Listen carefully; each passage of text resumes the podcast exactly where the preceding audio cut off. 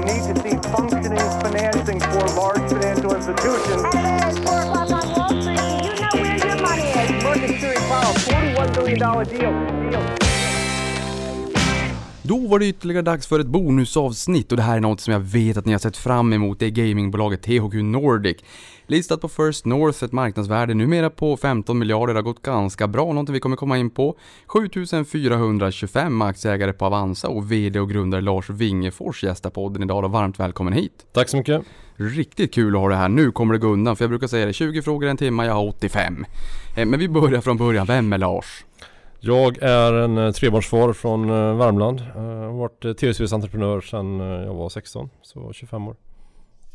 Det är ganska många år. Det är någonting vi kommer komma in i, för det är annat litet bolag ni har förvärvat som du också har sett i branschen här under 25 års tid. Men Värmland sa du, du har tagit dig till Stockholm här under dagen och det ni har ju rätt säte i Värmland också visst? Ja men det stämmer. Just. Och du, du är ju grundare av det här bolaget. Kan du egentligen berätta från, innan vi kommer in på vad ni gör för någonting, ni är ju ett gamingbolag, det är ju dataspel det handlar om. Men vi sa just det här, sist du var här så var det ju november 2016, ni skulle in på börsen och det har ju gått fantastiskt bra. Men man kanske glömmer bort att det är ju inte bara att starta ett bolag och sen så går ju allt geschwint dag ett, utan här har varit en ganska lång resa. Då kan du berätta från, från egentligen du kom på idén här till att, till nu egentligen. Nej men min historia går ju tillbaks längre än eh, THQ Nordic. Jag började i ung ålder när jag var 16 och handlade med Nintendo 8-bit-spel och drev postorder och e-handel och butiker och sålde verksamheten eh, när jag var 22 en gång till eh, ett engelskt bolag. Och drev deras verksamhet och de var tidiga på mobilspel och, och eh, sen gick de ja, under och sen köpte jag tillbaks det och med riskkapitalister och fokuserade på distribution. Eh, sen omstrukturerade jag det så sen 2004 så har jag varit själv tillsammans med mitt management som ägare och eh, har egentligen varit i alla vertikaler. Vår första publishingaffär eh, Nordic Games Publishing grundade vi 2008. Då gjorde vi ett eh, karaokespel som heter Wii Sing och som lanserades på Nintendo Wii till en eh, stor framgång. Och, och två, historien med THQ Nordic började 2011 där det var en österrikisk förläggare som hette Jowood som eh, var börsnoterade och de gick under och sen satte jag mig i mitten av den situationen så efter ett halvår så köpte vi alla rättigheter och eh, tillgångar egentligen och satte upp ett nytt bolag i Wien. Så där, det är därifrån vi har byggt. Det här tycker jag också är ganska intressant, för det här är uppenbarligen, när jag lyssnar på det du berättar nu så förstår jag att en stor del av, av framgången och vad du har gjort liksom historiskt, det är ju att kanske då se värdet i bolag som har det lite operationellt jobbigt och kunna plocka, plocka de russinen ur kakan. Nej men historiskt sett kan man ju se en viss ten- tendens i att jag har kapitaliserat på andras eh, problem. Eh, men jag har också lärt mig eh, det här med varumärkets värde och jag har ju handlat med alla de här varumärkena i hela mitt liv. Så att eh, vi har hittat många eh, golden eggs kan man säga genom att eh, veta efterfrågan ifrån fans på saker och ting. Ja, och man brukar säga lägg inte alla ägg i samma korg, men det har du ju gjort och sen byggde du THQ och då blir jag nyfiken av, vad står THQ för? Eh, THQ eh, köpte vi som varumärke 2013 i samma att de gick under. Eh, det står för Toy Headquarters grundat 1989. Okej, ja det är inte igår heller. Nej, Hmm, ni börsintroducerades november 2016 till en prislapp på 20 kronor per aktie. mm. Och värderingen post-money då efter ni tog in lite pengar, Mm. 1,40 1,44, 1,44 miljarder. Därefter har aktien avancerat upp 880% och 140% i år. Vad är det som har fallit marknaden i smaken? Nej, men jag försöker fokusera på att bygga bolag snarare än bygga aktiekurs. Men eh, vi har väl kunnat leverera på det vi sa vid IPOn. Vi, eh, den organiska tillväxten har kommit genom att vi har eh, ja, släppt våra första sequels och vi har fortsatt vår strategi att förädla varumärken. Vi har haft en bra tillväxt under hög lönsamhet. Och sen har vi kunnat addera ytterligare förvärv som är värdeskapande för aktieägarna.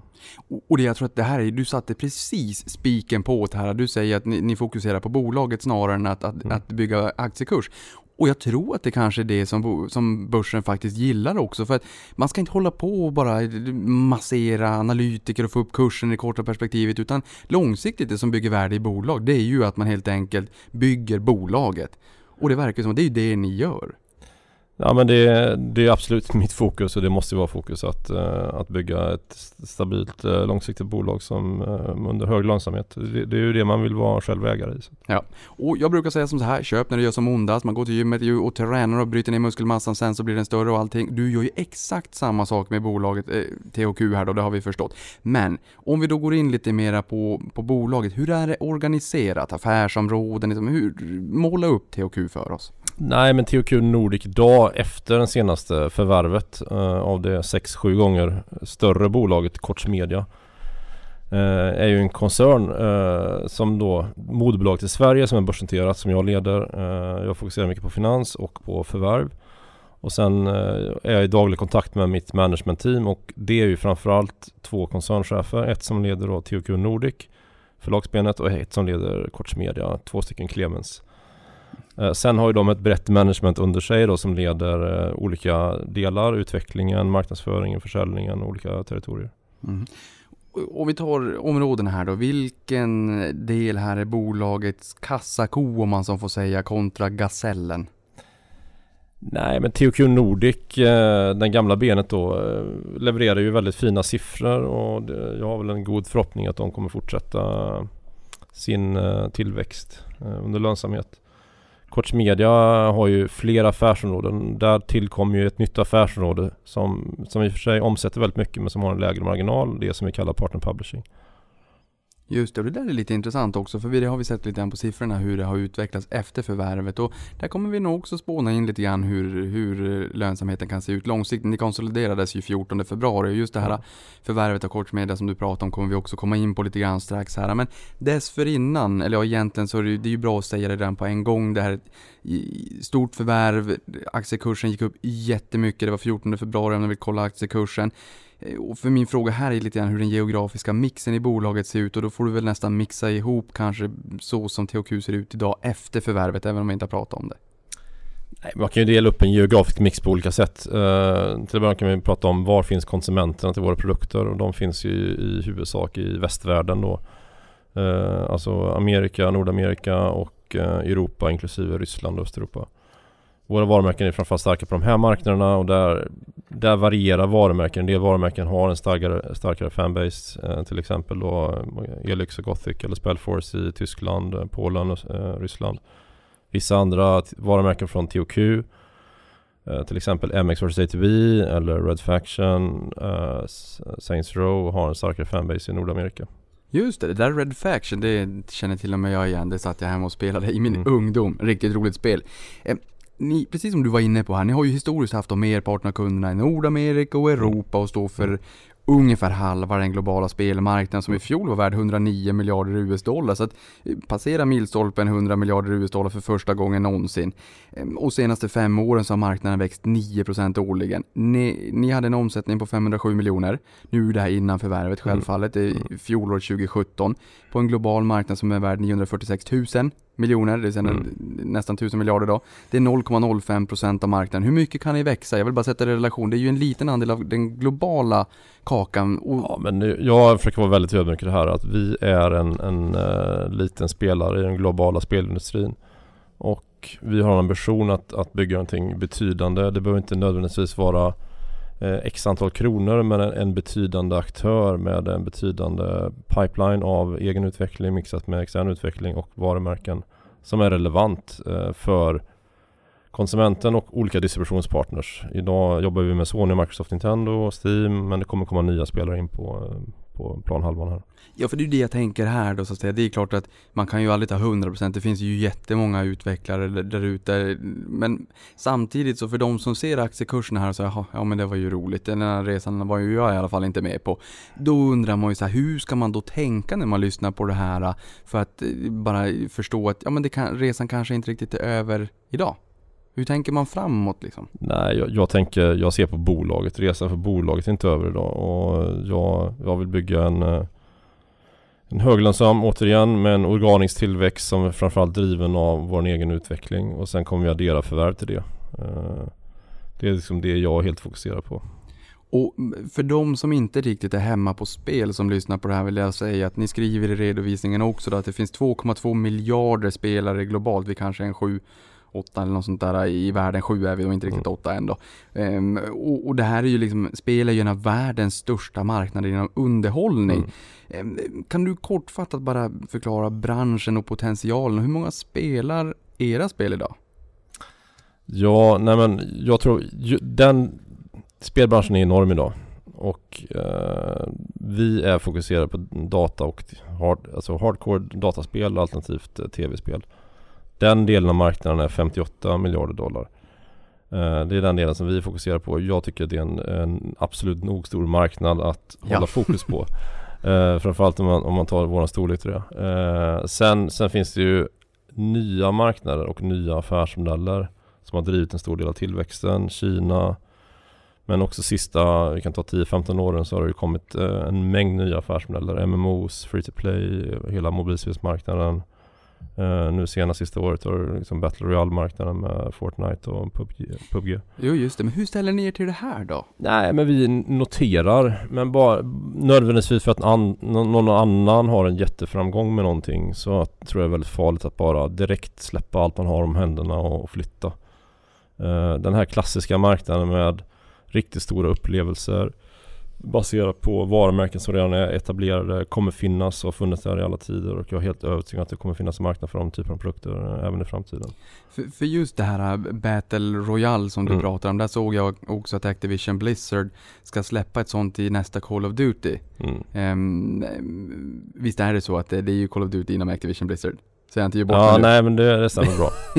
Det kan inte med jag säga ja på. Ja men det är underbart. Då, då lanserar de ju det här läget nu då. Skulle det kunna vara på något sätt så att någon av era framgångsrika spel får ett sånt här läge för de som är lite nyfikna, Fortnite, PubG eller så här, det är inte intressant, de får göra sitt, jag gör mitt. Nej men absolut, men vi måste hela tiden utvecklas och vi tittar ju såklart på eh, till exempel Battle Royale men även andra Alltså vad som händer i marknaden. Det vore helt fel av mig att stå här i, i, i en podd och utannonsera någonting och så kommer det hända i framtiden. Nej, Men, nej, nej, då får vi sätta på filter Mm. för det får vi inte göra. Ingen, och det vet ni som lyssnar också, ingenting som inte är publikt, tyvärr. Nej. Eh, hur distribu- distribuerar ni era spel då? Fysiskt, digitalt, tänker jag. Hur ser kanalerna ut? nej man kan börja med marknaden då. Marknaden, våra största intäkt kommer från eh, tv-spel och där marknaden till 70% fysisk idag och 30% digital men den digitala delen är växande. Eh, PC-marknaden eh, är uteslutande digital idag. Där, där den största plattformen är Steam.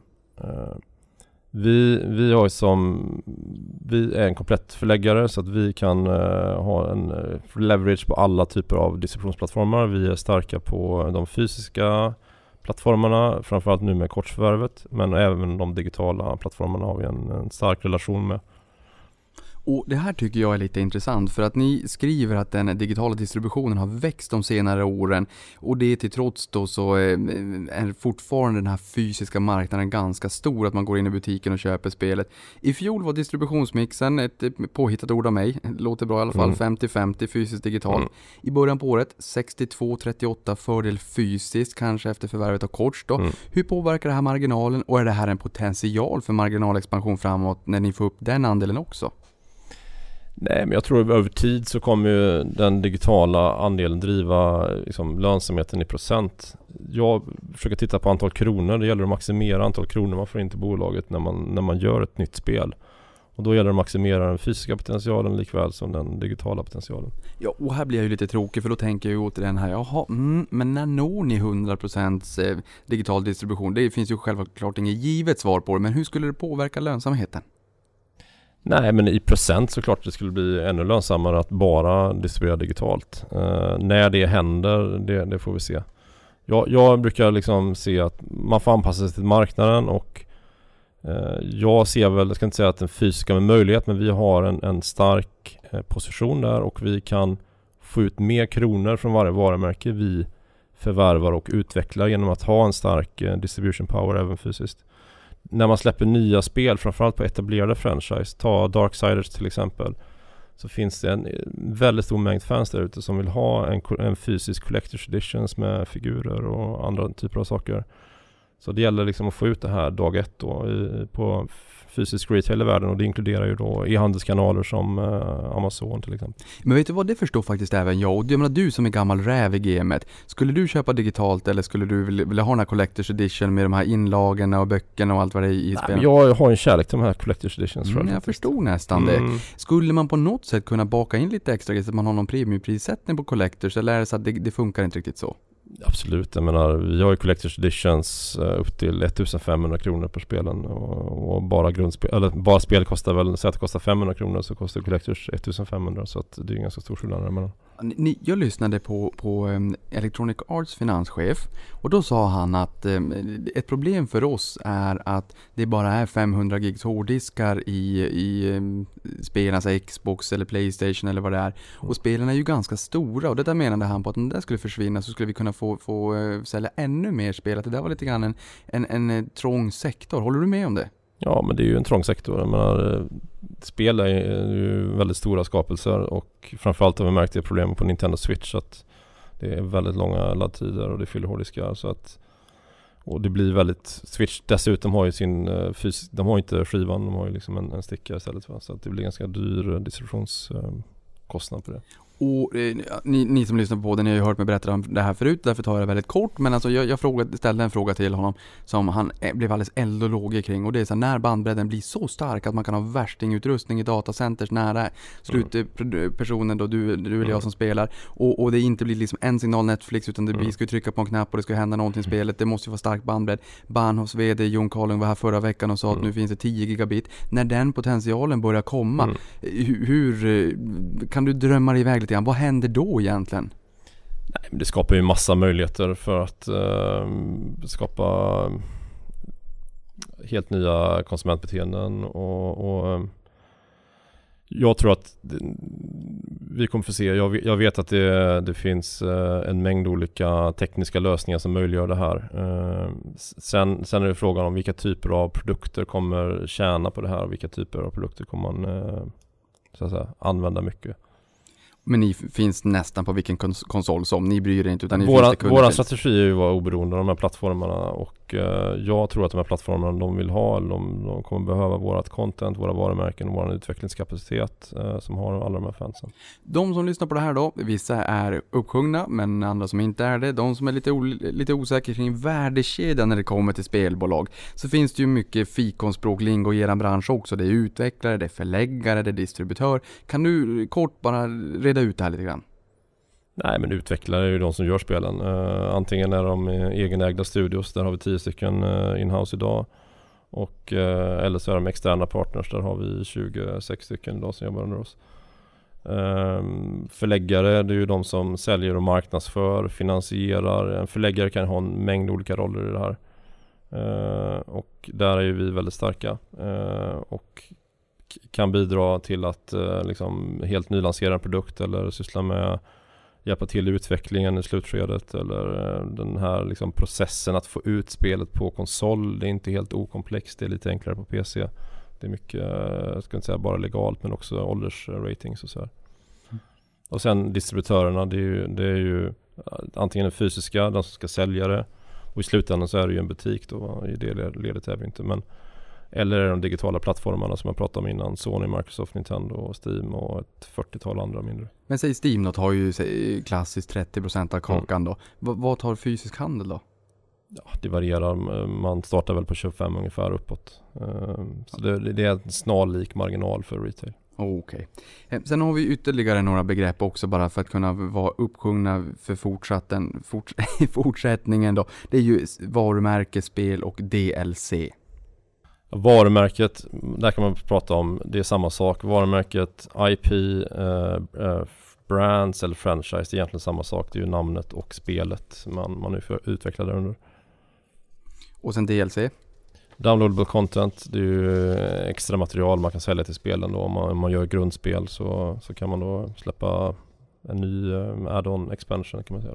Så det är därför om man tittar på i er redovisning då så kan man ju se att det är ett visst antal varumärken men ännu fler spel.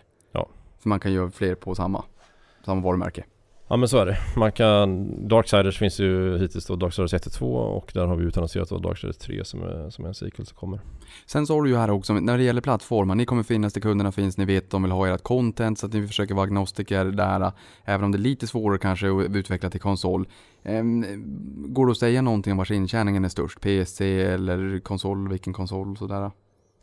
Nej, men vi, vi försöker eh, parallellt utveckla till eh, alla relevanta format. Utmaningen är väl när man gör väldigt liksom, avancerade stora AAA-produktioner framförallt att få ut det samtidigt på Nintendo Switch som inte har samma tekniska kapacitet idag. PC, PS4, Xbox One eh, snarlikt får jag säga. Mm.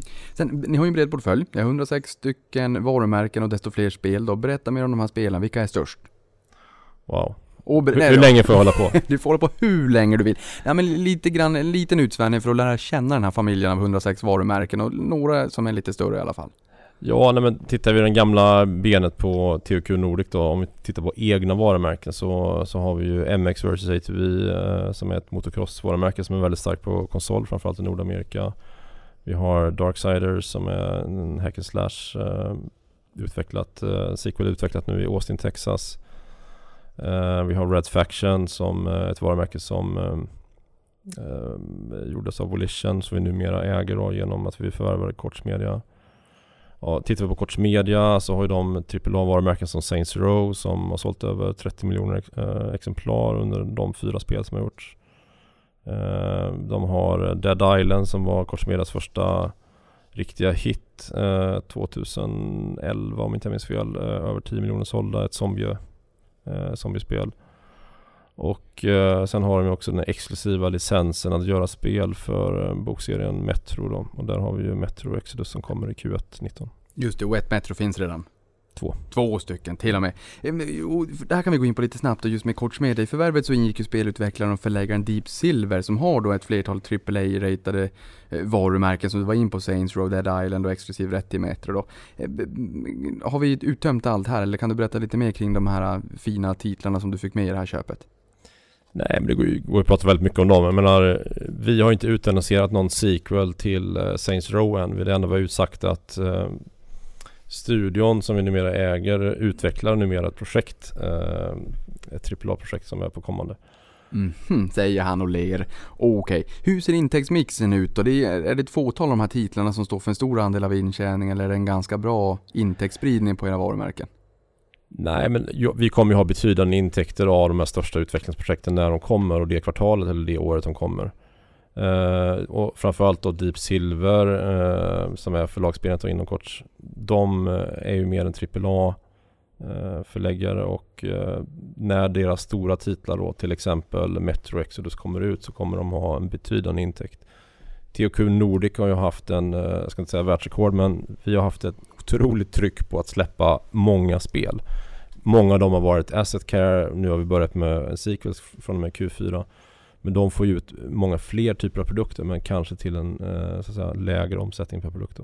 Och, och det här med asset carry som du är in på lite grann här, det har ju varit tidigare lite grann av eh, dammade varumärken som Mm. ni lägger lite på lite kärlek på dem och sen Mm. så får de en revival. Men då är du inne på kortsmedia, det blir snarare de här eh, citycentrala lägena, huvudstadens fastigheter på monopolbrädet, det är de spelen egentligen då? Ja, nej, men jag, jag ser en Asset möjlighet på även på Koch eh, varumärken. Kanske inte lika hög grad som hela den eh, enorma portföljen vi har byggt upp inom THQ Nordic. Men det finns en hel del gamla spel som även de äger rättigheterna på. Och ni säger att ni kommer fortsätta investera i uppföljare till de här väletablerade varumärkena, liksom den befintliga spelportföljen då. Hur länge kan man eh, släppa uppföljare? Nu har ni ju släppt eh, typ första uppföljaren i och för sig. Det här kanske är fel egentligen, jag kanske ska ställa frågan här om några år, men hur länge kan man släppa uppföljare och hur lång livscykel har ett spel typiskt egentligen? Nej men eh, till att börja med så fördelen med att vara i den delen av branschen som vi är det är att vi, vi utvecklar spel, det är ganska dyrt, det tar ganska lång tid. Men när väl spelet är klart så kan man ju sälja den här koden då i 10-20 år i teorin. Vi säljer kod hela dagarna som är 10-15 år gammalt. Och framförallt handlar det om att leverera en kvalitet och, en upplevelse som folk vill återuppliva eller som folk vill testa även i framtiden. Ja, för det här tycker jag är lite häftigt. Jag lyssnade på, um, på VDn för Blizzard, i Mm. Activision Blizzard, man Mm. kommer från Blizzard-delen och menar att varumärken är nästan upp till 20 år gamla, men man investerar fortfarande allihop. Mm. Och det är ju ganska imponerande. En fråga här till dig är ju då, mm, är inte risken, risken borde väl vara lite lägre i expansioner på spel som man vet har varit riktiga hits, är det så? Nej men det är ju lite strategin att, att bygga våran eh, sequel, många av våra, se- eller våra sequels runt etablerade varumärken där vi vet att det finns en etablerad spelarbas, fanbase som kommer vilja ha ett nytt content. Så länge vi kan leverera den kvaliteten de förväntar sig så, så känner vi oss ganska trygga i den kalkylen. Dessutom så om vi bara så att säga, gör kalkylen på att sälja varumärket eller nya spel till den etablerade fanbasen så slipper vi så att säga, investera aggressivt i marknadsföring. Ska vi däremot ta varumärket till nästa nivå då eh, utan att säga att eh, Activision gör det hela tiden så så då måste man då så att säga addera ganska mycket marknadsföringskronor också. Okej, men i framtiden, det här blir ju en ganska eh, spekulativ fråga, men jag utgår kallt ifrån att just de här expansionerna och sådär kan, kan utgöra en större del av er intjäning och försäljning i framtiden. Tänkte på expansionen till grundspelen här. Jo, eh, precis. Ja, nej men så är det ju. Vilka, exakt vilka affärsmodeller och expansioner som kommer ut annonseras i samband med releaserna, nu får jag ju be att återkomma till. Just det. Ehm, ibland kommer det nya titlar, ibland expansioner. Om man tittar på spelbranschen generellt så är det ju också viktigt att veta hur lång en livscykel är. Det här är ju jätteviktigt för att ibland kan det vara så att ett kvartal är jättebra och sen så tycker marknaden att det där var super och så rusar kursen och sen skriver media jättebra Mm. och så året efter kanske den är sämre, året efter igen bättre. Det jag egentligen är ute efter, det är, och inte på något sätt för ni hade en fantastisk Q1, både ni och eh, Mm. kollegan i branschen. Det jag är ute efter är att din kollega Fredrik har sagt att det, det 18 till 24 månader tyckte han var vettigt. Vad är vettigt när man tittar på THQ? För att göra en rättvis utvärdering.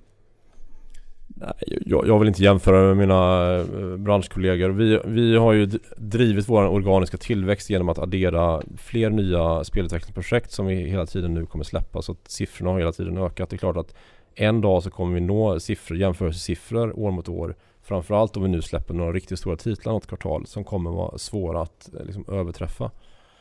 Eh, så det där blir ju ganska stökigt egentligen att jämföra det då i och med att ni växer så pass kraftigt och ni växer via förvärv och sådär också. Dels växer vi via förvärv men dels växer vi via att vi investerar i vår utvecklingspipeline då, som driver liksom, omsättningen. va. Eh, Vad har du för bästa tips att skicka med dem som lyssnar på det här som vill ha egentligen den magiska uppsättningen av nycklar man ska titta på. Men vad är viktigt att titta på på THQ för att förstå bolaget och värdedrivarna så att säga?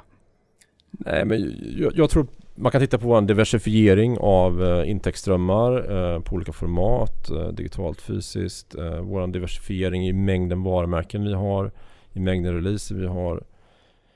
Eh, och eh, det finns något gammalt eh, talesätt, många böcker små. Jag eh, tänker inte bara göra AAA-spel. Jag, vi kommer fortsätta göra de här asset care-produkterna och mindre enkel AAA-produkter. Så det är liksom en, liksom en skillnad kan man säga kanske mot eh, vissa andra större spelare i branschen som fokuserar väldigt mycket på ett fåtal varumärken. Ja, Och så tänker jag så här, just marknaden för de här asset care, för de här eh, titlarna, varumärkena som behöver lite extra kärlek. Jag menar, du måste bli galet nostalgisk, du har ju växt upp med det här. Mm. Hur, många varumärken finns det där ute som skulle vara i behov av THQs asset care och kunna få en riktigt fin Det finns fler varumärken än vi har kapacitet att hantera. Jag menar, det, är, det är en flaskhals för oss redan idag att hantera alla de tillgångar och varumärken vi har. Eh, Men i teorin finns det ska jag säga, långt över tusen varumärken som eh, har potential att ha någon typ av asset care. Det är jag helt övertygad om. Så marknaden kommer inte torka upp som ett eh, lamm i papper torkar upp en liten eh, vattenpöl. Eh, ni har ett spel, Biomutant också, som ni Mm. har förvärvat och ni tror kommer bli ett av bolagets större titlar. Jag kikade lite på gameplay på YouTube igår, det såg ju faktiskt rätt roligt ut. Berätta Mm. mer om det här spelet och varför ni förvärvar och varför det ska bli så stort. Nej men Biomutant var ju en, eh, en utvecklare här i Stockholm som eh, vi förhandlade med under en lång period och som vi signade ett förlagsavtal med, ett publishingavtal och vi utannonserade produkten i samband med Gamescom, alltså världens största spelmästare förra augusti. Fick ett fantastiskt mottagande av den här produkten. Och sen har bara produkten och relationen eh, växte så att säga och vi kom överens med eh, ägarna att förvärva studion så de blev en del av, av hela gruppen i november förra året. Och eh, det är väl en av de få nya varumärkena vi kommer lansera men vi känner oss komfortabla med produkten. Den ser ju helt fantastisk ut, den är nyskapande och den tilltalar en, en eh, väldigt bred målgrupp. Mm, intressant. Ni höll ju en hög lanseringstakt under fjolåret och då särskilt med tonvikt på fjärde kvartalet och ni bjöd på 11 lanseringar varav 9 var egna varumärken och dessutom er första internt utvecklade uppföljare då som vi var in på lite här Mm. tidigare. Jag vill bara säga till dig som lyssnar på det här, det här är innan förvärvet av Media Mm. 14 februari. Berätta mer om lanseringarna. De lanseringar vi hade i Q4 Jo, sen kommer vi in på det här året för Ja. ni har ju en, ni har ju en, en enorm pipeline. Men hold your horses, först Q4 och förra året. Nej men Q4 var väldigt intensiv. Eh, Vi började ju den med Battle Chaser som var förlagstitel eh, skapat av eh, kreatören bakom Darksiders, UMAD. En publishing-titel som eh, har gått som eh, planerat för att säga, bra kritik. Eh, sen hade vi Elix, uppföljare från Gothic-utvecklarna. Ett nytt varumärke men ändå till samma målgrupp eller fanbase som Gothic har också kollektivt motsvarat, eller det jag kommunicerade så ut motsvarade alla nya, våra nya releaser i Q4 eh, våran egna finansiella förväntan. Hmm. Ja. Lite diplomatiskt var det. Nej men vi hade, vi hade spel som gick mindre bra, vi hade spel som gick bättre. Va? Så i och med att vi har så många spel så kollektivt så, så föredrar jag att prata den vägen. Ja men jag gillar verkligen det där, för som sagt 106 varumärken och sen betydligt mer spel eftersom att det finns fler spel på ett och samma varumärke. Det är ju någonting som faktiskt skapar en diversifiering och alla som håller på med aktier sprider risken. Och det är ju samma sak ni gör här också, vilket gör att då, då gör det ju ingenting om ett, ett eller några spel går lite sämre, om några andra går lite bättre. Nej. Så att, det- och det, det är ju ett medskick för dig som lyssnar också, just spelbolag. Ti- Titta på titlar, alltså på, vad man har för varumärken och sådär, att man har en liten spridning i portföljen. Just de här nylanserade eh, produkterna stod för 61% av försäljningsintäkterna 2017. Eh, En rätt stor andel då, 41% året innan. Beror det här på många nylanserade spel, vilket vi var inne på att ni lanserar ju många Ja. nya? Eller beror det på att de, de äldre liksom har sålt lite mindre, eller är det en mix? Nej, jag får säga att den, den är helt driven av eh, alla nya releaser vi släppte. Katalogförsäljning är generellt sett eh, stabil. Sen kan den variera över kvartal en del eh, beroende på olika promotions vi gör. Mm. Sen, eh, vi var ju in på lite grann just det här med förvärv också. Det är ju någonting som ni gillar. Kan du berätta lite mer om tillväxtmodellen för att säkerställa lönsam tillväxt och avkastning till aktieägarna? Och vad är det som är kärnan i den här modellen? Är det just förvärv som är vägen framåt? Nej men det, det är liksom det är någonting som jag verkligen gillar att skapa eh, aktieägarvärde och skapa värde för bolaget eh, och eh, liksom öka marginalerna. Det är att göra kompletterande förvärv eller nya förvärv. Och eh, om man tittar sen vi grundade det här bolaget 2011 med sju anställda och egentligen ingenting så har vi gjort 29 transaktioner tror jag var de sista då, Kortsmedia. Och eh, vi, vi har en ganska bredd, vi har kompetens, vi har synergier med att göra transaktioner inom te- egentligen alla typer av tv-spel och eh, de flesta typer av hardcore-spel eh, på, på PC. Och genom att ha en ganska bred strategi där så kan vi ha väldigt många dialoger igång med olika typer av bolag eller tillgångar som skulle, där vi skulle kunna vara en bättre ägare över tid än den nuvarande ägaren. Och genom att ha många sådana dialoger igång så kan vi över tid så att säga vara redo när tillfället ges. Eh, Kortsmedia kanske var ett sådant exempel. Många krogar. Kortsmedia var nog ett sånt exempel, absolut. Och där kommer vi nog komma in på varför också. Det var ju lite grann turer under förra året som kanske ledde upp till den där affären. Ska vi få din bild av det här? En annan fråga som jag har, det var ju, jag skrev ju här på Twitter då att vi skulle, att du skulle komma och gästa och prata om, om bolaget. Och det var några som skrev och några som hörde av sig, några som ringde och sa du, du måste ju fråga om drömförvärv. Och här kommer ju den. Så att jag menar, du, du kan ju inte säga någonting eh, exakt, men vi, vi kan väl spåna lite grann. Hur ser förarbetet ut inför ett förvärv? Vad är ett riktigt smashing drömförvärv, Lars? Nej men herregud. Uh, nej men det är ju en riktigt, riktigt fet portfölj av bra varumärken med en rejäl kodbas som man kan hugga tänderna i. Uh, det är liksom, om man pratar varumärken. Pratar vi utveckling så är det ju såklart eh, en utvecklare som har en världsledande nisch eller kompetens eh, inom som kompletterar våran varumärkesportfölj väldigt väl. De kan ha egna varumärken och de kan vara utan varumärken. Eh, pratar vi förlagsverksamhet så, så kan det ju vara förlag med eller utan, om man säger hårda synergier, det kan vara förlag där vi så att säga, adderar pipelinen och katalogen till befintlig verksamhet. Eller kan det vara ett förlag som är jäkligt starkt på, på en special nisch där inte vi är så aktiva idag. Vad skulle du säga där? Det här blir också högst eh, spekulativt, men prislappen på ett bolag, hur ser den ut ifall det är så att ett bolag med, med befintliga titlar som är vettiga går bra, men kanske behöver lite kärlek, men ändå går bra, kontra ett bolag som har en stor pipeline men inte riktigt lika många spel ute? Nej men det, det, det, det är omöjligt att svara på den frågan. Jag, jag brukar titta mycket på affärsrisken i saker och ting och titta på hur stor är nedsidan med de pengar man lägger ut. Hur mycket kan jag förlora egentligen? Och sen, sen kan man värdera uppsidan på olika sätt. Då blir jag ju också lite nyfiken på de som säljer här. Jag menar, du sa ju nyss att det kan ju vara så att den här eh, säljaren, de är inte rätt ägare till det här bolaget, men det kanske de inte alltid inser själva heller. Men till slut så gör de väl det om de då är beredda att sälja. Men eh, vem är det som säljer den här typen av spel?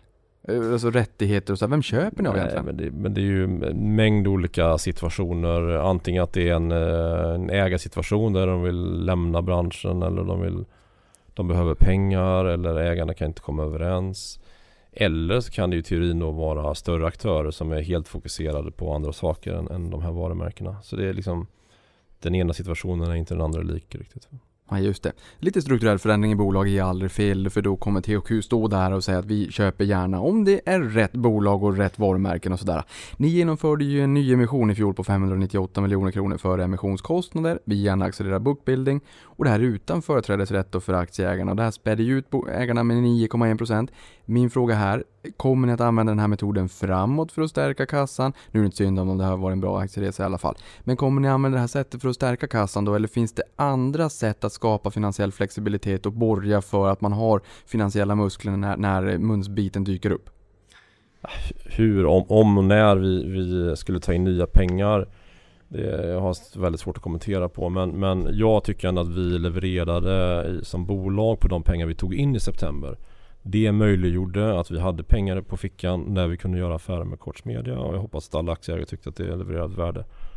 Jag föredrar att göra affärer där jag vet mina ramar och jag tror inte man ska använda en hög belåning vid förvärv. Jag tror att man ska förvärva med aktier eller med egen kassa egentligen. Och där kan vi väl också säga, jag menar vi har ju facit på det där. Vi vet ju att aktieägarna tyckte att det var rätt, använt, eh, eller rätt sätt att använda pengarna. För det var ju så här att ni köpte då Coach Media i februari, 14 februari konsoliderades. Det var den dagen det också av- aviserades. Mm. Eh, Och det här fick ju marknaden att applådera. Kursen rusade 42%. Berätta om det här bolaget. Jag menar det här har ju följt med dig under dina 25 år i branschen. Har du sett det här bolaget löpande och varit imponerad över vad de har gjort? Vad var det som hände i bolaget som gjorde att ni fick möjligheten att ta den här munsbiten? Eh, men Koch Media har ju funnits där framförallt de sista åren när, när, när ja, de har expanderat. Eh, Koch Media grundades ju 94 av nuvarande VDn eh, Clemens Kundratit som också var en, en liten ägare vid transaktionen. Men eh, finansiären bakom var en entreprenör eh, som heter Frans Korts som har varit entreprenör inom musik och fastigheter och det här var väl en av de sista kvarvarande operativa verksamheter och, och han hade kommit upp blivit mogen så att säga i sin ålder också att, att hitta ett nytt ägande till det här. Vi inledde en affärsrelation med Kort Media föregående år där vi använde dem som eh, partner publisher i Tyskland och Italien för det här Elix och hamnade då i en djupare dialog med dem och vi kan hitta på fler saker.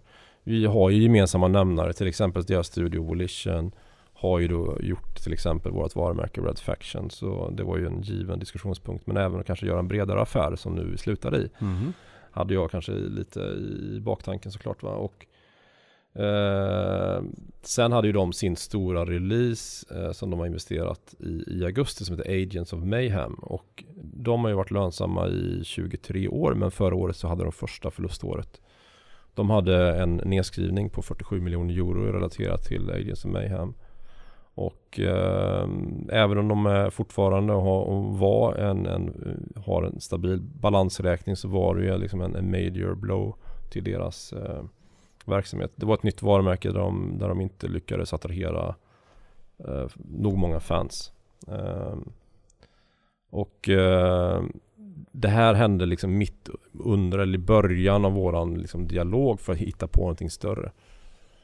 Om det här bidrog eller inte, det, det, det får egentligen säljaren svara på. Men, eh, men de öppnade upp i vart fall böckerna för oss och vi, summa summarum så gillar ju vi det vi såg när vi tittade på Korts och jag kom med ett förslag till dem som eh, vi kom överens ganska på kort tid och sen spend, eftersom vi nu är börsnoterade så spenderar vi väldigt mycket pengar på en, eh, liksom, en gedigen due diligence och eh, legalt och finansiellt och gick igenom kommersiellt. Jag menar en av de viktigaste sakerna, en av de största potentialerna i Korts eller Deep Silver i framtiden är ju att de levererar de här fyra AAA-projekten och att de säljer bra och de motsvarar fansens förväntan.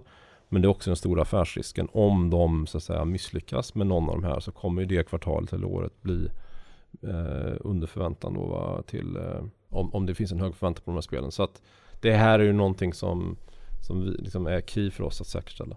Just det, för jag kom härifrån precis idag, modererade en börsdag och sen så gick jag därifrån och det var någon som ville prata lite grann och sa jo och sen så ska jag springa iväg och förbereda för nu kommer ju Lars Wingefors och sa åh ja, Johan, ja men jag gillar Lars. Och sa han du, vet du vad, det här med Koch marknaden underskattar, det ska du veta. Har han rätt? Nej men jag vill inte håsa någonting. Jag, jag känner att... Nej, eh, alltså, det, det, vi det, det vi måste säga här nu, när du säger inte håsa. Grejen är att eran aktie har gått upp 880%, den är upp 140% i år. Det kommer sämre år. Mm. Jag vill bara säga så att vi liksom sätter ribban här. Så att du som lyssnar på det här inte tror att det här är något som man ska köpa nu och sen så kommer det stiga flera, fem, tio gånger. Nej. Utan det här, jag som ni vet, är långsiktig i marknaden. Köper man någonting så tycker jag att man ska vara långsiktig. Så att vi tonar ner det här lite grann. Ja. Men, men alltså mera långsiktigt, om vi får prata 5-10 år då, alltså ganska långt fram. Mm. Har han rätt med att marknaden, alltså vad har vi för potential i coachmedia? Det här är inte kortsiktigt, nu tänker vi långsiktigt.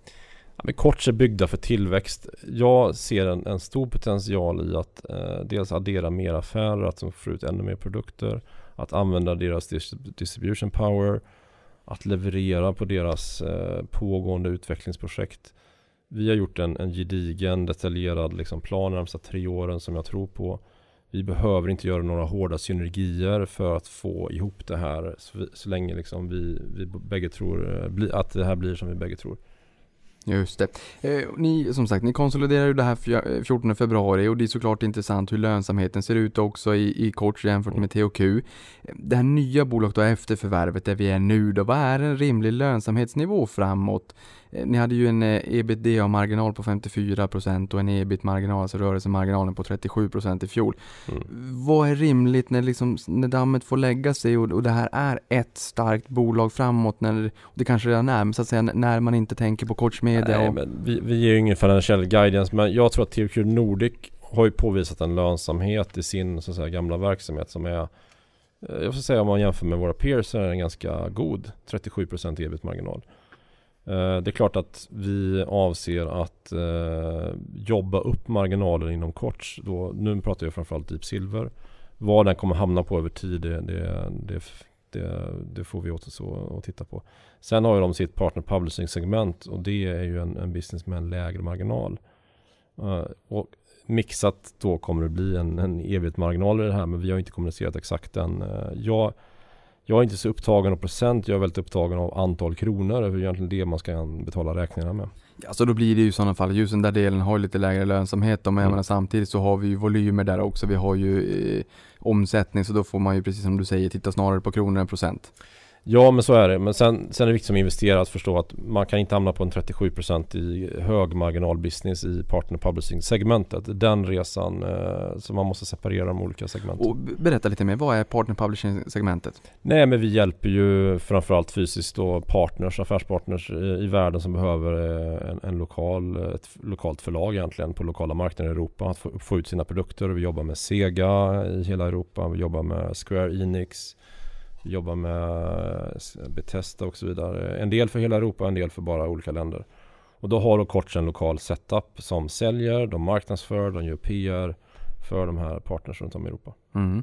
Sen i vd-ordet här i fjol också skrev du att det är glädjande att se att an- andelen då intäkter från de egna titlarna Mm. landade på 77%. Mm. Efter det här förvärvet, Koch Media, så minskade andelen i Q1 från Mm. 67 ner till 34, alltså year on year.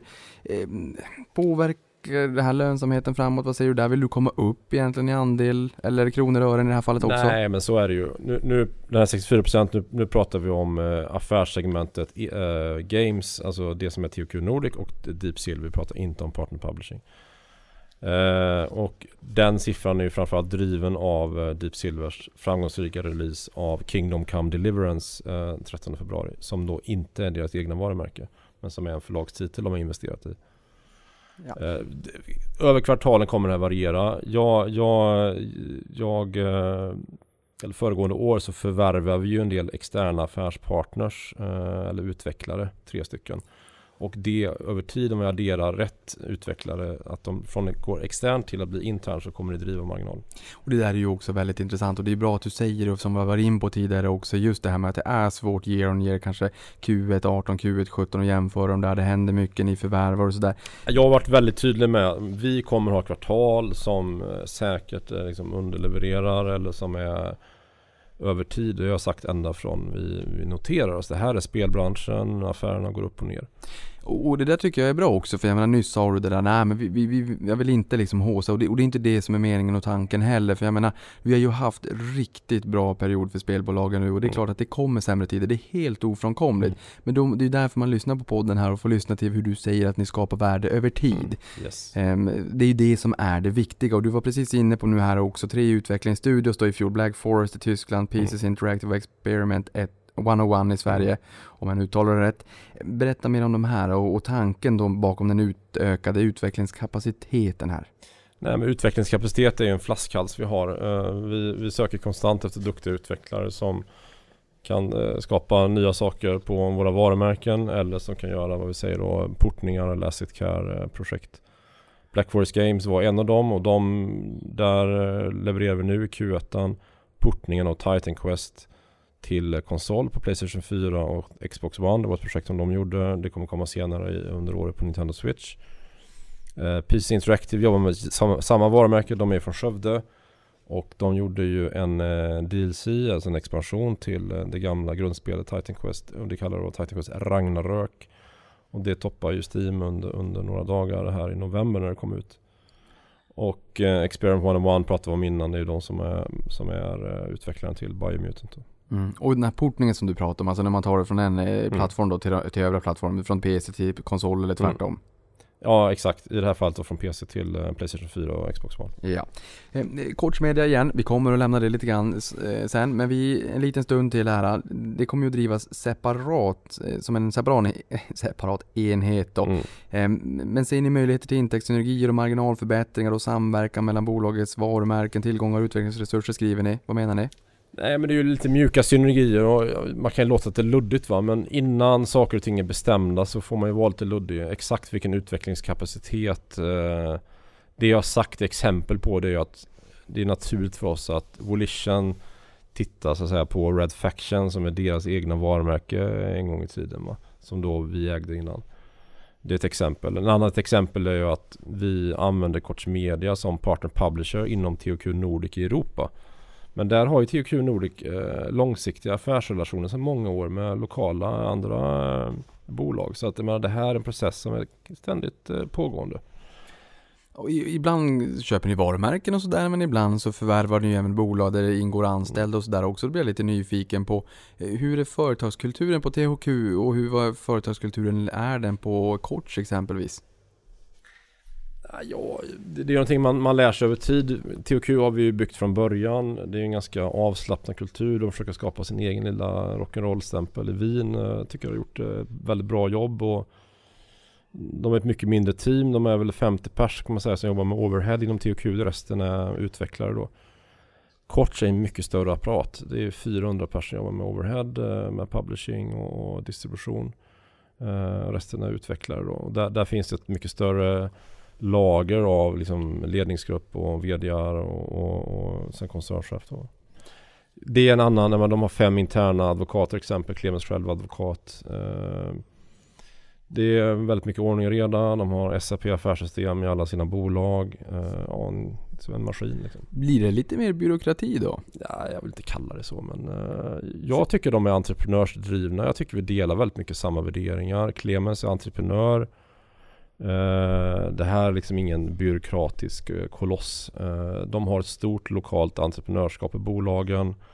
Till exempel bolaget i Nordeuropa då, som har Norden, Benelux och England. De ligger bakom den här C64 minispaken som har varit en stor framgång i Europa och som de lanserade i mars. Så att det finns ändå liksom ett lokalt entreprenörskap inom kort. Det här med den här C64 som du pratar om lite grann, där är jag ju lite nyfiken också för att vi har ju sett och det är något som du definitivt har sett som eh, nostalgiker i, om vi tittar på längre tillbaka, Nintendo 8-bitars, SNES, det har ju kommit den här typen av nostalgi-retroversioner som har Mm. slått ut, sålt slut och man får inte ens tag på dem. Den här C64, berätta om den lite grann. Ja, den sålde också slut. Men, Till min glädje. och, och, men, men den här ser ju väldigt gammal ut, den här är ju alltså före 8-bitars, långt före måste ju vara. Ja, det är det ju. Uh, mjukvara. Jag hade väl en del andra personliga C64-favoriter än- än vad som kanske fanns med på den här. Men, men den har gått eh, väldigt bra. Första skeppningen kommunicerade var 50 000 exemplar och sålde väl slut direkt. Och, och andra skeppningen på gång in till Europa där vi kommer bredda distributionen. Just det, och även om det här inte är största delen av intäkterna så att säga, men ni kommer alltså fortsätta att producera lite grann och skicka ut till, till fansen där ute som vill ha den här? Ja, nej, absolut. Och det här är ändå en mass, eh, relativt massmarknadsprodukt Mm. som, eh, som fungerar bra på många olika retailkanaler. Eh, Sen omsättningen då, om vi kikar på den lite grann så har ni ju faktiskt orkat lyfta den 185% sedan 2014. Eh, Alltså 42% om året om vi tar en kagg, alltså effektivt per Mm, år då. mm. Ehm, Hur, ehm, hur tror ni att det kommer se ut framåt då? Nu är det, det har varit ett stort förvärv nu, det är, en, det är ett annat bolag idag egentligen än Mm. bara för några månader sedan. Ehm, hur, vad tror du om framtiden? Vad är rimligt? Och nu vet vi att du kommer att fortsätta förvärva så det kommer vara lite svårt, men vad tror du? Nej men jag, jag tror att vi kommer se en fortsatt eh, över tiden organisk tillväxt. Det är väl liksom det jag har kommunicerat. Eh, sen är jag väldigt försiktig med att ge liksom finansiella forecast.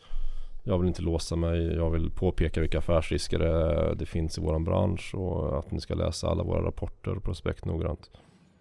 Eh, 2017 var det bästa året hittills där ni redovisade god tillväxt på 68%. Nådde 500 miljoner i omsättning för första gången. Mm. Grattis! Tackar. Perfekt. Ebit-marginal stärktes till 37% från 31% de senaste två åren då dessförinnan. Nu har vi hört lite grann, det Mm. handlar om pengar och inte bara procent. Eh, ni vill bli ett betydelsefullt bolag med relevans i eran bransch. Mm. Vad menar du med det? Nej men jag, jag ser att för att få ytterligare leverage på, eh, på det vi gör så, så måste man ha skala.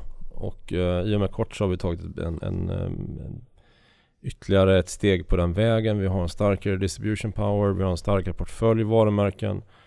När nu nya plattformar, nya tekniker kommer in så, så har vi tillgångar och utvecklingskapacitet som gör att vi är relevanta för dels de befintliga affärspartners men också nya som kommer på marknaden. Och nu när vi spelar in det här, det är ju maj 2018, snart, snart sommar, vilket är skönt. Marknaden älskade ju redan Q1, för nu har vi pratat lite grann 2017. Mm. Men vi har ju också fått eh, titta på Q1 och där steg ju aktien 18% men inte utan anledning får man ju säga. Omsättningen ökade 673% i kvartalet till 633 Mm. miljoner. Mer än fjolårets hela omsättning. Vi har Koch Media, konsolideras 14 februari, glöm inte. Mycket tack vare förvärvet här då av Koch Media. Men eh, utan det så steg ju försäljningen 64% och rörelseresultatet 236% inklusive 54% exklusive. Berätta mer om kvartalet då. Nu har vi alltså passerat över till andra sidan året. Nu är vi i Q1.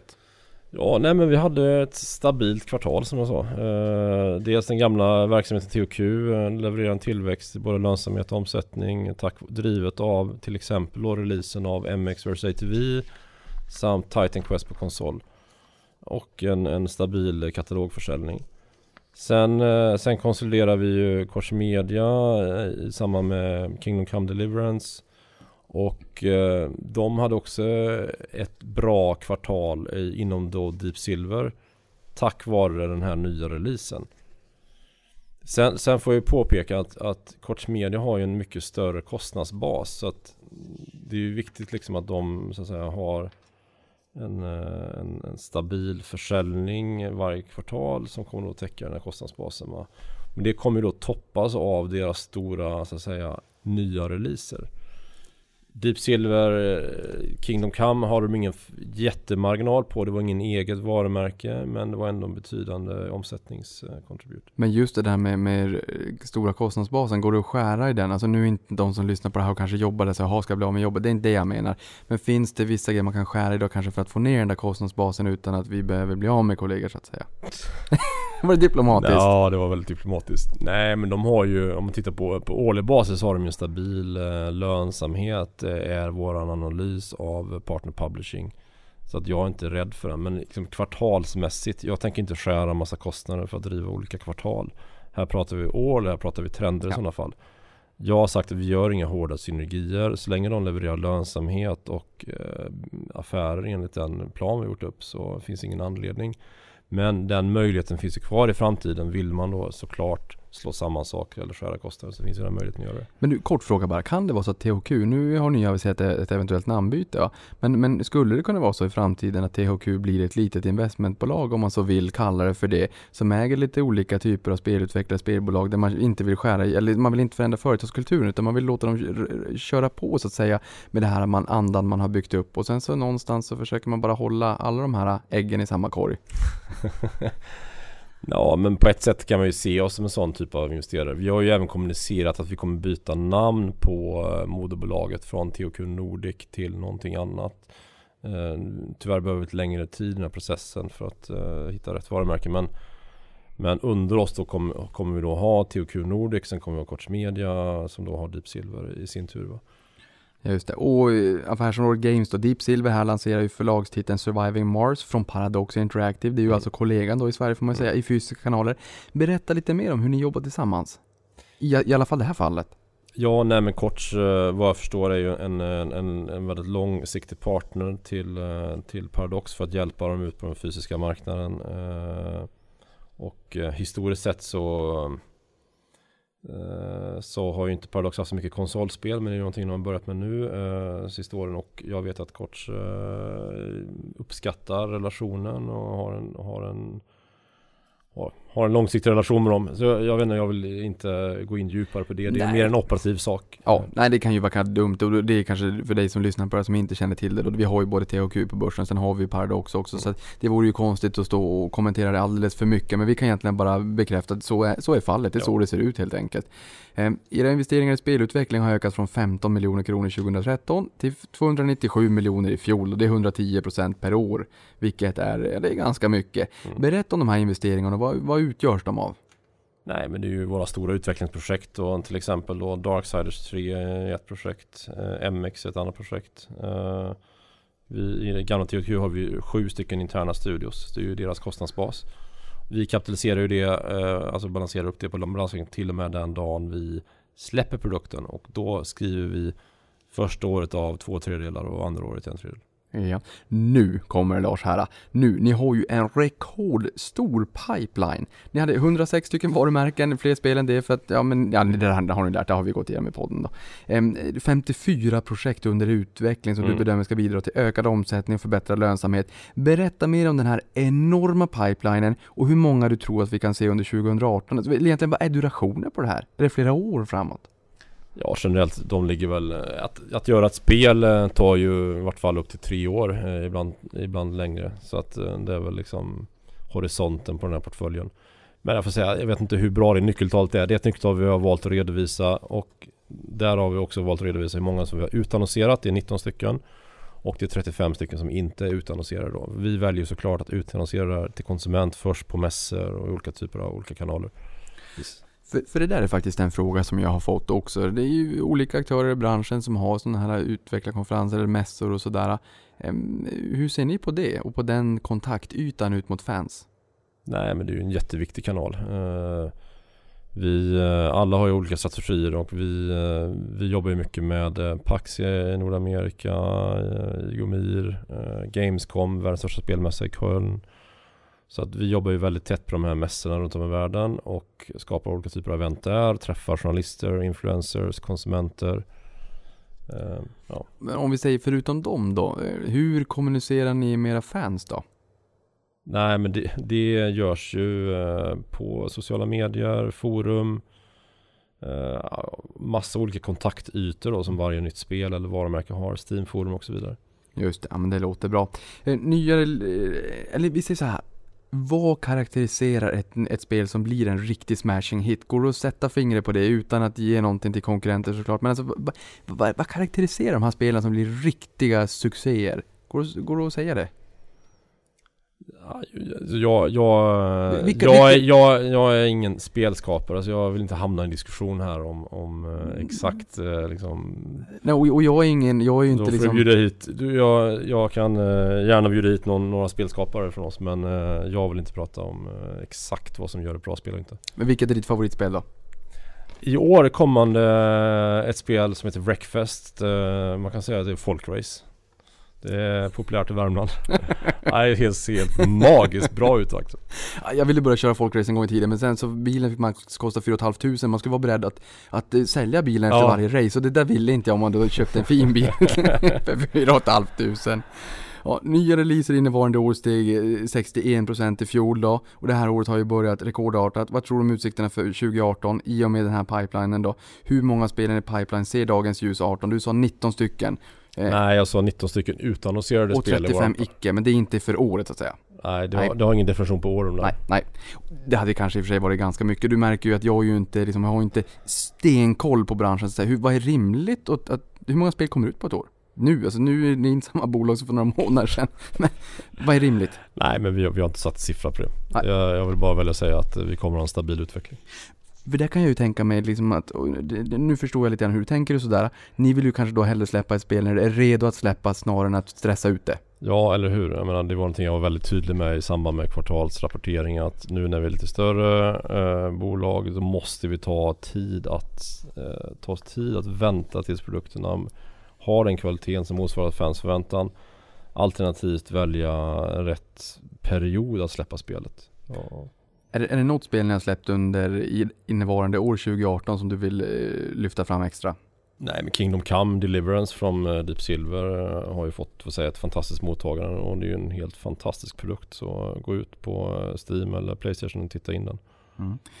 Eh, Sen ser ni ju också tillväxtmöjligheter genom att licensiera era varumärken för utveckling av nya spel till nya geografiska marknader via partners. Mm. Så som den asiatiska marknaden, den är ju en jättestor har jag ju Mm. förstått, likväl som att ni utvärderar mobilspelsmarknaden. Mm. Hur ser lönsamheten ut vid eh, licensiering kontra att göra det själv?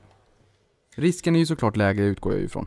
Ja, alltså rent marginalmässigt i procent om man nu gillar procent blir ju väldigt goda för den är ju nästan 100% i intäkten då. Men klart intäkten blir lägre än vad man själv i teorin då skulle driva det. Eh, jag har ingen strategi att vi själva ska driva mobilspel i Kina. Eh, jag fokuserar, kommer fokusera på andra saker under i framtiden här. Det låter bra, det blir lite folkrace. Du, i mars så offentliggjorde ni ett avtal med Nickelodeon, kort bara. Hur, hur stort eller litet är det här? Nej, jag tror inte man ska överdriva. Jag tyckte det var mer av en rolig grej. Eh, Nickelodeon var ju en eh, affärspartner till gamla THQ Inc. De gjorde 59 spel. Vi har fått tillgång till att ta de här gamla produkterna och kunna porta dem till nya plattformar. Vilken intäkt det kommer innebära. Jag tror inte man ska ha någon jätteförväntan på det. Eh, det är ett jättejobb att få det här gjort. Eh, det kommer ta lång tid så det kommer ta många år innan vi ser någon betydande intäkter på det. Men det är en liten kul ny kontaktyta också. Absolut. Spelmarknaden globalt kan delas in i två segment, PC, konsol och mobilspel. Och ni verkar ju uteslutande vara inom den förstnämnda Mm. som utgör 54% av marknaden, ungefär. Mm. Eh, Den marknaden som är mogen då, medan mobilspel växer nästan 14% om året. Hur skulle ni approchera marknaden och, och, och vilka spel lämpar sig bäst? Mobilspelsmarknaden är ju ändå lite intressant. Absolut. Jag hade väl en, en, eh, en tanke, eller inte jag men vi hade väl en tanke att kunna dra våra varumärken på mobilt genom det här förvärvet vi gjorde av Foxglow bland annat, eh, för två år sedan. Eh, nu har ju marknaden förändrats kanske ännu mer inom mobilt. Så att man bygger ju inte ett spel, man bygger ju en service. Så att mobilspelsmarknaden är en helt annan business. Man måste förvärva kunden, man måste monetisera mycket mer datadrivet. Eh, Så att eh, vi är väl fortfarande i en läroprocess och det är väl det enda affärsområdet som vi eh, inte tjänar några pengar på eh, idag inom gruppen. För det, jag var ju lite grann på en börsdag idag som jag modererade och då träffade jag lite spelbolag också Mm. och de sa precis det där, Mm. Games as a service. Mm. Vad betyder det? Nej men det, det är ju en service, man, man köper saker i, i den här servicen varje dag då, som konsument. Du tänker så här in-game purchases? Ja. Ja, okej. Sen lärde jag mig också att kvinnor eh, handlar 44% mer än vad männen gör, så de, de shoppar lite grann mer i spelen. Jag menar mobilmarknaden är- förväntas ju vara värd 50% mer. Alltså Games as a service är ett ytterligare ett bredare begrepp. Man kan inkludera streaming och massa olika saker där. Men eh, det är en helt annan diskussion. Någon streaming alls av era spel? Streaming, absolut. Vi var en av de första aktörerna som eh, lanserade vår katalog på Playstation Now som är den, en av de mer relevanta streamingkanalerna eh, i Nordamerika. Just det. Och ju, det här med mobilmarknaden, den är ju, förväntas ju vara värd 50% mer 2020. Men ni vilar på hanen lite grann och, och, och tänker att det kan vara intressant, men ni vill utvärdera det mer då? Det är learning by doing, man vaknar upp varje morgon, man lär sig nya saker. Vem vet vad som händer imorgon? Men just nu så är vi väldigt fokuserade på det vi gör. Ja, det låter bra. Du, eh, när ni utvärderar era kunder, då pratar ni om hardcore gamers och casual gamers. Casual gamers har jag förstått lite mer mobilspelare, lite mer casual gamers. Några minuter här och där. Hardcore gamers kanske som du själv när du sitter hemma i spelsoffan. Mm. Berätta mer. Nej men hardcore gamer det, det, det kanske är lite utslitna begrepp men eh, om man tar spelare till exempel eh, Darksiders som vi har skulle jag definiera som hardcore gamers. Men det kan ju i teorin vara casual gamers också som eh, gillar eh, den hack and slash-typen eh, av spel.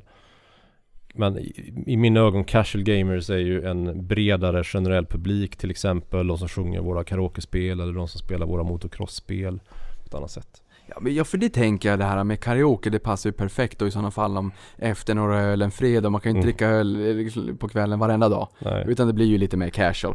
Ehm, ni lägger ju ut lite grann av utvecklingen på extern part. Ehm, varför gör ni det här? Är det för att man inte har kapaciteten själv? Och och liksom, hur påverkar det här lönsamheten? Och nu är vi återigen på procent, jag är ledsen. Ja, nej men eh, jag gillar att, att ha en stor andel extern utveckling och sen har vi ju som sagt adderat en del av dem som att de blir interna över tid.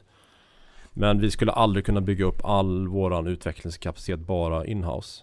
Nu sa du någonting. När du, när du lägger ut det här externt, Mm. är det också ett sätt att testa dem? Att se så här, hur, hur duktiga är de på det här? Och, och är de riktigt duktiga, då, då lägger du på din förvärvslista för framtiden. Ja, men det är en sån diskussion man kan ha. Jag, jag behöver absolut inte förvärva alla jag gör affärer med, eller alla våra partners. En del gör sig absolut mycket bättre som fristående och independent.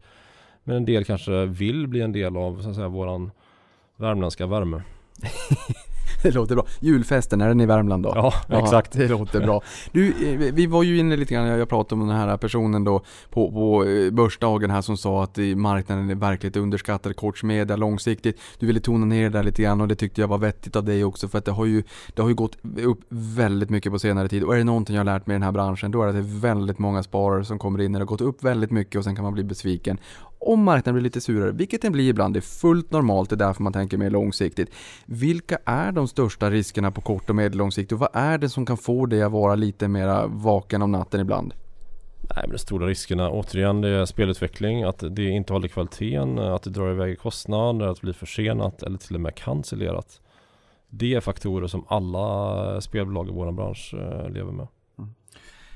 Just i branschen så är det ju någonting som har blivit lite mer populärt på senare tid, det är ju repetitiva intäkter i spelen, så in-game purchases och sådär. Mm. Sen har det varit ändå lite mer kri- kritik kring Electronic Arts med, jag vet inte vad det heter, pay to win eller vad det är du skrattar nu här. Håller ni på med något sånt där in-game purchases? Ja, det är ju ett väldigt känsligt tema. Jag tror Mm. att ta gamla varumärken och återigen då Darksiders eh, till exempel och göra massa att konsumenten känner att han inte, att vi försöker lura honom eller liksom Nej. kapitalisera på honom. Det tror jag är väldigt farligt. Då vänder man fanbasen emot sig. Ja. Eh, däremot finns det ett varumärke som vi har som MX återigen. Så man kan köpa nya banor och motorcyklar. Där tycker konsumenten att det är helt okej. Det enklaste är ju att göra nya varumärken där man ska etablera nya affärsmodeller. Då är ju konsumenten helt vidöppen från början. Men får jag fråga där då, precis som du är inne på, jag tror att det är helt rätt på här Lars. I och för sig, vem jag säga det, för jag kan inte så mycket om den här branschen. Men just det här med att man inte vill ha fanbasen emot sig. Men ibland kan det ju vara så att man känner, hallå, det här gör ni bara för att nyttomaximera och och tjäna så mycket pengar på mig som möjligt. Jag, det här ställer jag inte upp på. Men ibland kan det vara så här att man kanske lanserar extra tillbehör så att man känner som, som spelar, ja, vad- gud vad roligt alltså, det händer så mycket. Och det kommer massa nyheter och det känns så jäkla roligt att logga in och spela varenda gång. Var Mm. går den där balansgången? Ja, den är jäkligt känslig alltså. Och jag tror den är olika för olika personer. Vi kan ju se på, eh, på varumärken som MX exempel, när vi släppte en ny version och där har funnits sju tidigare versioner. Och en del vill ha en, eh, att spelet går till en simulator, en del vill ha arkad. Det går liksom inte att tillfredsställa alla. Ehm, Nej, nej tyvärr det blir ju lite svårt. Någonting som an, annat som, nu tar jag bara som ett exempel, Electronic Arts igen, någonting de har gjort. Eh, om det är bra eller inte, det, det vet jag inte riktigt. Men, men de har ju en tjänst där man kan betala en avgift månadsvis för att få tillgång till ett bibliotek, eller en spelbuffé kan man då kalla det. Och det här är ju lite repetitiva intäkter. Jag tecknade den där och sen så har jag knappt spelat någonting alls. Ja. Eh, men eh, men, är det här aktuellt överhuvudtaget på gamla titlar? Alltså inte de nya hetaste, utan de, de gamla för att hålla dem i liv.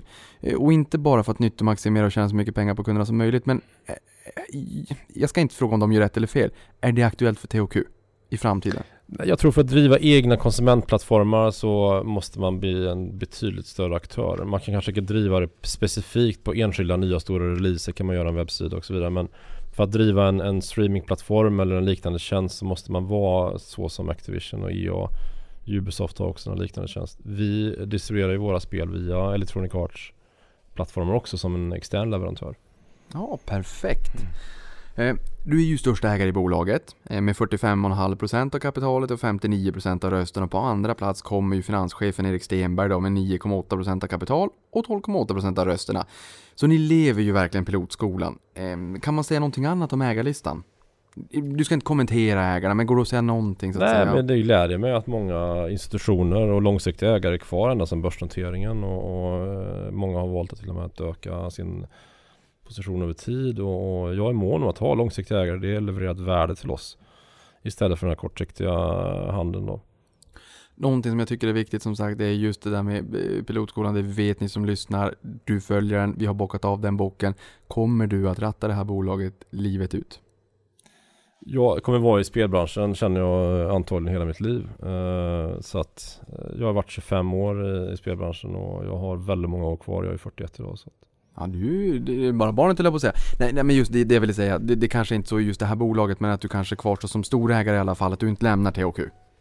Nej jag känner ju väldigt stort ansvar för väldigt många parter i det här. Så att eh, du kommer nog se mig här eh, många, många år framöver. Du, det låter riktigt bra. Och dessutom vill jag faktiskt också skicka med ett beröm och det är att alla i styrelsen äger aktier. Det gillar jag, för det borde fler bolag ta efter. Eh, Den bocken bockar ni också av, så det är verkligen tummen upp hem, ända hem till Karlstad när, när de hör det här då. Eller Värmland sa vi, men det kanske är Karlstad de bor i? Ja. Ja, ja men det ser där. Eh, eh, är det rimligt att anta att listbyte kan vara i görningen? För nu är det ju faktiskt så här att det, det har gått, det har gått upp ganska mycket, vilket är roligt. Jag vet att du fokuserar på värde i Mm. bolaget långsiktigt, men det till trots, eh, Lars, värdet har stigit lite grann och Mm. man får ju en annan exponering och intresse globalt. Eh, Är det intressant för dig? Er, så att säga. Men jag, jag, jag har egentligen ingenting emot det men jag har sagt att jag vill fokusera på affären. Jag, man får inte glömma bort att det var bara 18 månader sedan vi noterade oss. Vi har vuxit på väldigt många sätt sedan dess. Men vi har liksom ingen overhead-organisation så som eh, Ericsson eller Volvo har. Så att det är också en resa att göra att bygga det här med rätt eh, kompetens och kunna lägga tid på det.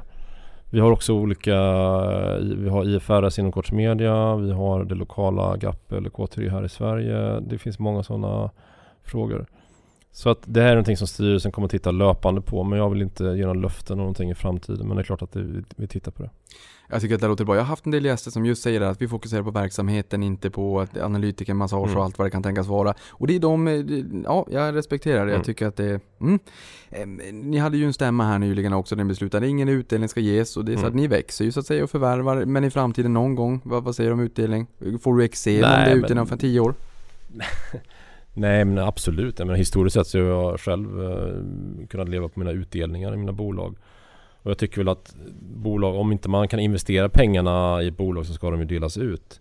Just nu ser vi betydligt mer eh, investeringsmöjligheter i våran pipeline, vår utveckling och potentiella förvärv i, i bolaget. Därför har vi sagt att vi, vi återinvesterar pengarna. Alternativ utdelning för aktieägarna om det är så att man får någon form av aktieägarrabatter i form av spel etc. Ja, har ni eller ska ni införa? Ah, det finns många roliga idéer om det. Vi, vi får se var sen eh, pucken landar i framtiden. Men det är jag inte alls emot. Du, det, det, det som är så himla roligt när det är sådana här saker, det behöver inte vara jättemycket monetära så att säga, men, men folk älskar aktieägarförmåner och det kan nästan vara som en marknadsföring, att det ger mer tillbaka än vad det kostar så att säga. Jag tror att de som lyssnar på det här också håller med. Ja, jag ska ta upp med den pucken faktiskt. Eh, Trender i branschen, kort här. Vi, vi ska börja runda av för tiden går så himla fort när man har roligt och du ska tillbaka till, till Karlstad också. Ja. Men eh, trender i spelbranschen, augmented reality, virtual reality, är det liksom ah, verkligen i sin linda? Augmented reality som en Nintendo, Niantic och så, det, det var Mm. explosivt förra året men sen dog det ganska snabbt. Mm. Tycker du att det här är intressant? Ja, det är spännande att följa. eh, sen får man se vad, vad är relevanta för oss. Vi har ju många spel och produkter vi i teorin skulle kunna göra VR-produkter av i framtiden. Men eh, hittills har vi inte utannonserat någon VR-produkt och det har inte varit en kommersiell plattform för oss. Kan det vara för andra men eh, för oss har det inte varit det. Men eh, jag, jag utesluter liksom ingenting för framtiden. Jag försöker fokusera på att tjäna pengar på det vi gör.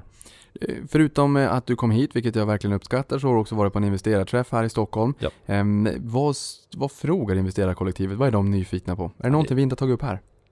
Nej, det är väldigt blandat. Eh, De, dels helt nya utländska aktörer som de bara vill förstå vad vi gör. Alltifrån väldigt insatta personer som vill veta liksom avkastning exakt på våran utvecklingsportfölj och så vidare. Så det är en väldigt bredd.